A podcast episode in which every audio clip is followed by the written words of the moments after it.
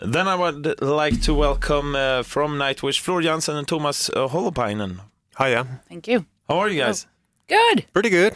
Uh, your new album is coming out in April 10th, uh, Human Nature. How much do you want to skip uh, now, March, the whole month? I don't. No? No, it's going to be lovely to stay at home for a few weeks before everything starts again. Anticipation is great. All right, do you like it? Do you, you like the waiting for the album to come out, kind of? Yeah, I, th- I like the word anticipation. Yeah? Yeah, I Oh. think. Yeah. And there's a single coming out in between as well Yeah, to no- ease the pain.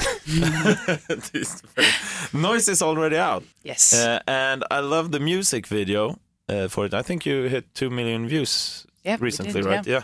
And uh, But I, I want to know what is that black goo that you see, the bathtub scene? Take a guess. I have no idea. All right, it's actually a mixture of uh, rapeseed oil and black pasta.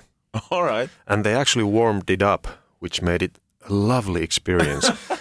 I spent about, I don't know, 45 minutes in the bathtub, and there was something really primitive about it because it was so gooey and so warm and so wonderful.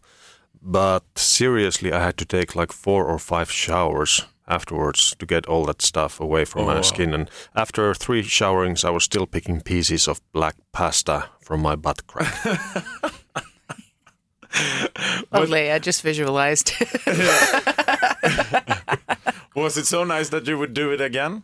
oh, for sure. All right. Yeah. Oh, awesome. Now, I don't know. Uh, I get some kind of uh, Game of Thrones vibes from the beginning of the video, especially. Uh, also, I've seen some of your fans writing uh, they they are hearing similarities with the GOT theme song. Is there anything, or is it just people mixing stuff up? It's all coincidence. It's all just having the 12 notes to play with. I actually didn't realize it at all when writing the song, but at some point during the rehearsals, Marko came to me and said that, have you heard the Game of Thrones theme song? And I said, no, I've never seen a single episode of that. And then when I listened to it, it was like, okay, yeah, I can see where you're coming from.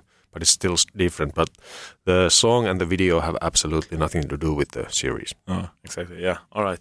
Uh, now, both of you have had your name used for new species, which I find uh, particularly interesting. A new beetle got you, Flora, I think, and uh, Tuomas, a new fungus, right?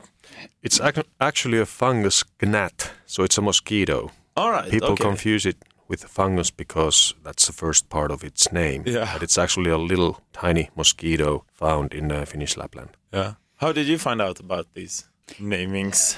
well, I got an email from uh, from the biologist who uh, who discovered the species uh, with with uh, yeah a whole f- official certificate that comes with well finding a species and then coming up with a name. It has an whole you know system, and he presented it to personally or via email to me. I never actually personally got to meet him, but uh, that's how it went for me. Exactly the same story with me. Right. An email, and after that, all the procedures. But I'm wondering, do they actually need your permission to do it, or can they just do it if they want to? I wouldn't know, but I was very honored. So I was wasn't really- hugely honored. I don't know the. No, everyone is just saying yes, so no one knows, maybe. yeah, I get But it. actually, it's funny because a couple of persons. I actually did an interview last week, Mm. and uh, he asked seriously, you know, are you really offended by this? I said, what do you mean? Offended. Yeah, and he was. se- I, I- I was asking, "Are you serious?" Yeah, you know, a little mosquito, a gnat, a nuisance named after you. So, how did you feel about it? you must have felt offended. It's like what? Wow. so it's funny how people see things differently. Yeah. No, no. I, I would like to have a beetle after my name or something. That would be nice. Uh, now, I don't know if this is true. It may might be a rumor, but is it true that both of you actually, as kids, wanted to be biologists? That's true. Yeah. Yep. It is. Indeed. Yeah. All right. Awesome. yeah. That's purely coincidental, uh, and really funny when you think of the, the thematics of of this uh, of our previous and upcoming album. Um, yeah, it's clear there's an early love for the natural world. Yeah. And, and you still try, like, do you still have like interest in it? So you read books or something like that into it? Yeah. Yeah, we follow the scene. All of the band members are actually quite interested in these topics, and that's what has made these past two albums like extra special for the band back in the days, the songs were more about fantastical themes, mm. like pages out of my own personal diary, about my own heartaches, hopes, and wishes. And of course, it's a bit more difficult maybe for the other band members to relate to those topics. But now, with the last two albums, Endless Forms, Most Beautiful, and this upcoming Human Nature, we are dealing about issues that everybody in the band are really interested about.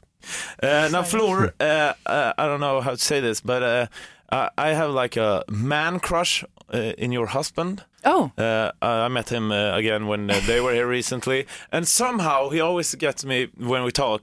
He gets me to open up about stuff like life and so forth, and I an usually emotion. don't do that. okay. but is he like a deep uh, guy, or is it just coincidence that as well? I think he is. Yeah. I mean, when I met him, I, I, I felt like I felt the same, and uh, so I, I understand the crush, crush end.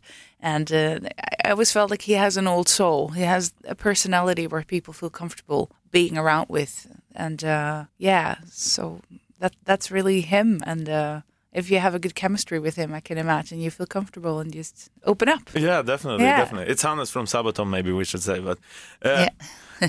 what's the weirdest thing that you have seen during a Nightwish concert, or something that's uh, stood out, so to speak? Well, it's not really speaking for us, but the weirdest thing that I saw that would happen to us in um, in uh, in Australia, that was somebody who fell asleep. it was a seated, I a seated that, yeah. place. it was really hard to get people going, and half of the people uh, got up of their seats, and other people didn't. And this person fell asleep. Like, oh God. yeah. Maybe he needed a rest. I think it was a she. Yeah, Oh, it's a she. yeah. A woman just passed out. Yeah. I, I looked at your uh, tour schedule, and uh, you're going to China in April, right? Uh, yes, but no. no. no, I was gonna ask you about that. The coronavirus is that something like? Is that? Uh, Yes, it had to be you? postponed Yeah. till late October. Uh, the decision came from the promo- promoter, but luckily we didn't have to cancel it completely. That's no, exactly. I mean, China's still on, on a lockdown. So even with the best, you know, wishes in the world to say, you know, uh, it, it should be fine by now, or we understand the threat better, or well, it reached Europe now anyway. It doesn't matter. I don't know how things work, but it's still on lockdown, so we can can come. But fortunately, we'll we'll get our shot later Yeah. on this year. Mhm. Uh, I didn't see Sweden on the tour dates. So are you coming here or you're skipping Definitely, Sweden? yeah. Sweden Rock is there. Yeah, Sweden Rock is Oh, the, yeah, even yeah, the first Sweden- festival, festival, happening. Yeah. yeah, Yeah. and there's still some unannounced shows um, All right. in our in our entire world tour. We we didn't give everything all at once, No. so I'm looking forward to the new album, Human Nature. Uh, can you say something to those who haven't heard anything from the album yet, uh, so to speak, about the album? What they can expect more? of course, it's always hard to describe an album. It's Yeah. it's really something that we invite people to just you know take an evening for, sit down with it, take your time, go through it. It's a very diverse album. It's not something you're going to take in in one listen. And then there are even two halves: one with nine tracks with the band, and one that is a classical suite of eight parts. And how many minutes, Tuomas? About 31.20. Well, there you go. So I'd even say take a good glass of wine and sit back and enjoy the ride. What is might maybe interesting to mention that the first nine uh, songs, uh, even though we're a symphonic metal band, has no symphony orchestra in it, unlike previous albums. That is all saved for um, the long, long suite, and that opened up a lot of sound within the the band. There is a, a classical for the um, string quartet, choir is there. Um, but there, there's a difference in, in previous albums where it's not there, and there's a lot of harmony vocals. Absolutely. We wanted to create a clear contrast between the two albums so that the first nine songs, which is the human part of the album, is all about songs and tales about humankind, human achievements, human nature, sang with a human voice or three. So we gave a lot of space for the vocals and for the lyrics. And then after after you have had your fair share of mankind for nine songs, you can put on the latter half of the album and go into the nature and just enjoy instrumental orchestral music for half an hour. That's awesome. 10th of April. Yes. then That's you it. can do it. Thank you very it. much for coming here. Thank you very Thank much. you. Ett poddtips från Podplay. I fallen jag aldrig glömmer djupdyker Hasse Aro i arbetet bakom några av Sveriges mest uppseendeväckande brottsutredningar. Går vi in med hemlig telefonavlyssning och, och då upplever vi att vi får en total förändring av hans beteende. Vad är det som händer nu? Vem är det som läcker? Och så säger han att jag är kriminell, jag har varit kriminell i hela mitt liv men att mörda ett barn, där går min gräns. Nya säsongen av Fallen jag aldrig glömmer på Podplay.